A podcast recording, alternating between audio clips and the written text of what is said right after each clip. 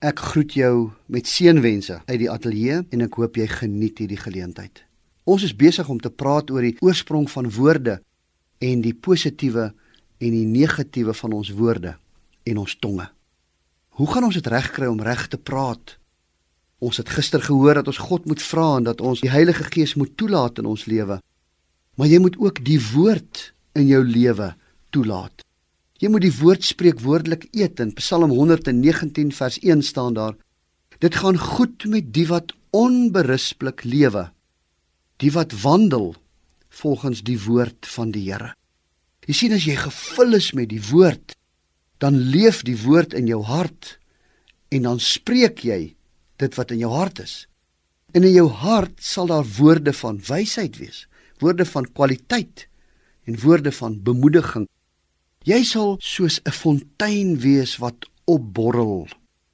En jy sal nie soos 'n vuurhoutjie wees wat 'n groot bos aan die brand steek nie. Psalm 34 vers 2 sê die Here: Ek sal die Here altyd weer prys.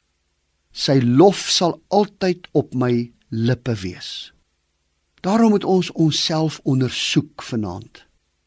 Waaroor gaan jou gesprekke? Waaroor het jy die afgelope week gepraat? Wat het deur jou gedagtes gegaan wanneer jy gepraat het?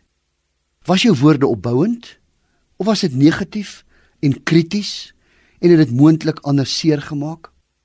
Is jou lewe 'n fontein wat opborrel en miskien was jou woorde sag en met baie liefde. En soos die Bybel sê, miskien was jou woorde soos heuning.